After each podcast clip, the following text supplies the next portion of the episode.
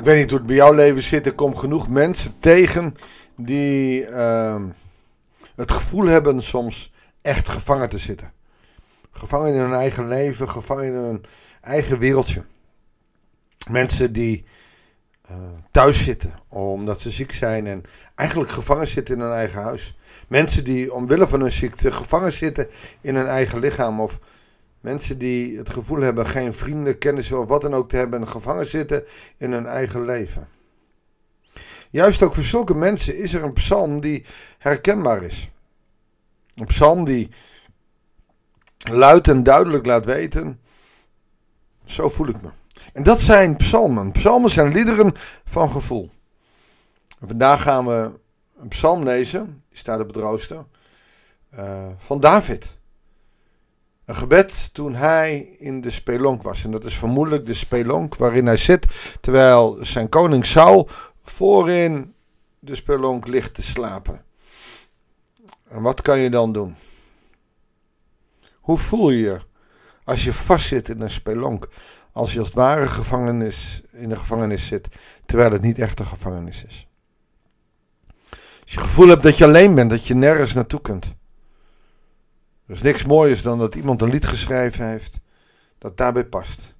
Goeiedag, hartelijk welkom bij een nieuwe uitzending van het Bijbels Dagboek.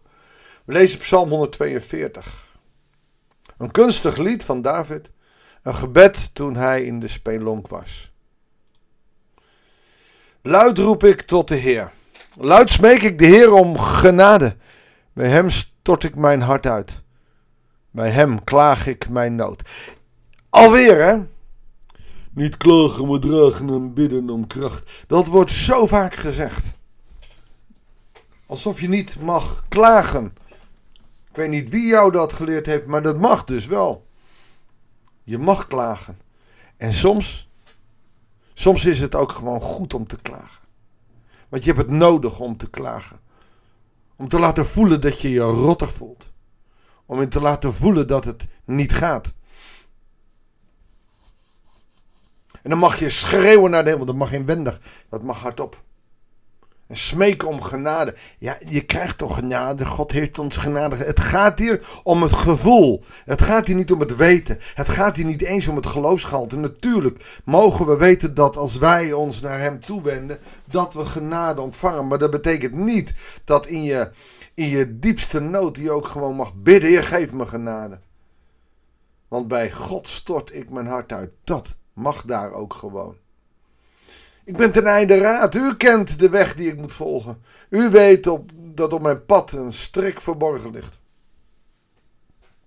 Wat hij hier aangeeft bij God is dat ik heb leiding nodig. U weet waar mijn valkuilen liggen. U weet waar, waar mensen mij op de loer liggen. U weet het. Dus eigenlijk getuigt hij van de alwetende God.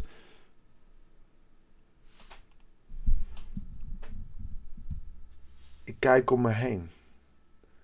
En zie niemand die om mij geeft. Nergens een toevlucht voor mij. Niemand die hecht aan mijn leven. Je kan zeggen wat je wil. Deze mensen kom ik helaas vaak tegen. Mensen die kapot gemaakt zijn door het leven. Mensen die niet serieus worden genomen. Mensen die geen bezoek krijgen. Mensen die alleen zijn. Of zelfs mensen in drukke omgeving, maar die niet echt gezien worden. Mensen die in een nood dan roepen: Ik kom tot u, Heer. U bent mijn schuilplaats. En toch, hartstikke mooi dat God je schuilplaats is. Maar dat is vaak iets wat je bij hoofd weet en niet zozeer bij hart. Ja, mensen ook wel. Er zijn mensen die dat bij hart ook gewoon voelen. En mensen die dat bij hart ook gewoon meemaken. Maar dan vraag ik, hoe, hoe stel je dat dan voor? En soms is het ontzettend moeilijk om te omschrijven. Hoe stel ik me ervoor dat God een schouwplaats is? Want je ziet hem niet, je hoort hem niet. En toch zegt David hier: U bent de enige die ik heb. Dat hoor ik mensen zeggen die in de diepste wanhoop zitten. Ja, als ik mijn geloof niet meer had, dan had ik niks meer. Hoor mijn noodkreet. Ik ben uitgeput en moe. Verlos mij van mijn vervolgers. Zijn sterker dan ik? Die uitgeputte situatie geldt voor heel veel mensen. En de vijand, daar hoef je niet eens een letterlijke vijand te nemen. Dat kan een ziekte zijn. Dat kan een geestestoestand zijn. Dat kan, dat kan van alles zijn. Oh god, ik ben zo moe. Ik weet het niet meer. Verlos mij van, van alles wat achter me zit, wat ik niet wil, wat ik alleen maar kan. Verlos mij. Schenk mij uw genade. En bevrijd me uit deze kerk. Weet je, wat mensen zeggen tegen mensen die eenzaam zijn. Joh, dan moet je erop uit.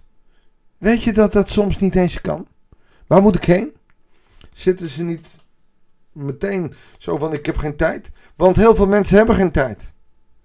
Ja, je mag altijd langskomen. Dan kom je langs. Ja, sorry, het komt nu even niet uit. Weet je hoe je mensen weer in die kerker duwt? In dat gevangenisschap. Je bent altijd welkom. Maar nu komt het even niet uit. Bevrijd mij uit de kelder, want u bent betrouwbaar. U ziet mij.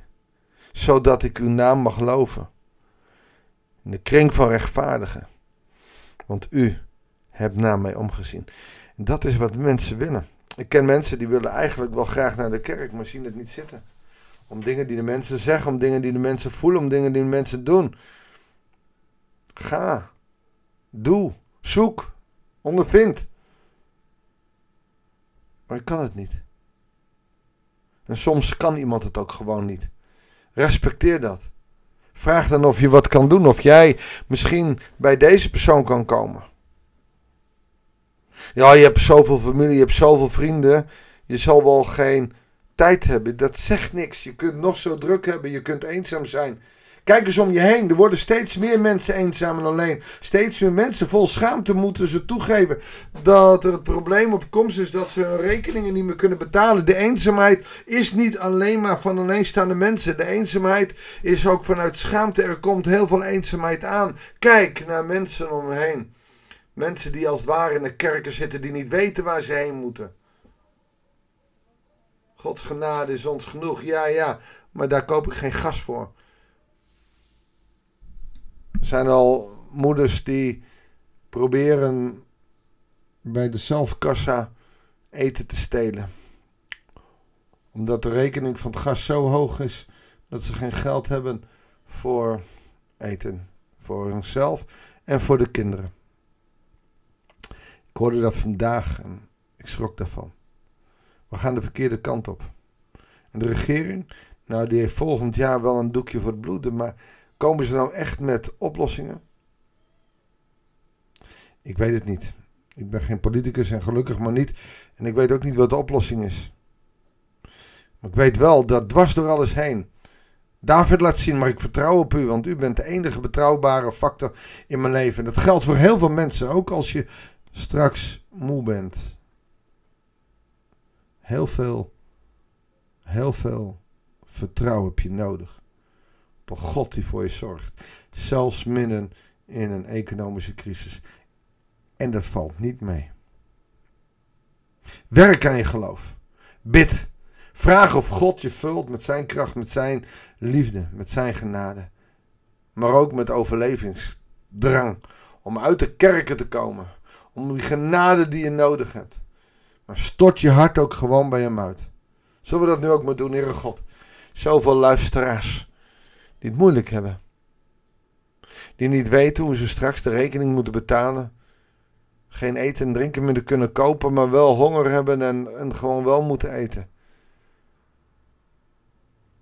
Heer, dank u wel dat u een God bent van dicht nabij, maar wilt u deze mensen troosten? Zodat ze mogen weten dat er uitzicht is. Wilt u de politiek helpen? Wilt u mensen om hen heen helpen?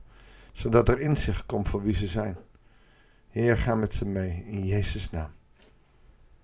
Amen. Dankjewel voor het luisteren. Ik wens je God zegen en heel graag tot de volgende uitzending van het Bijbels Dagboek.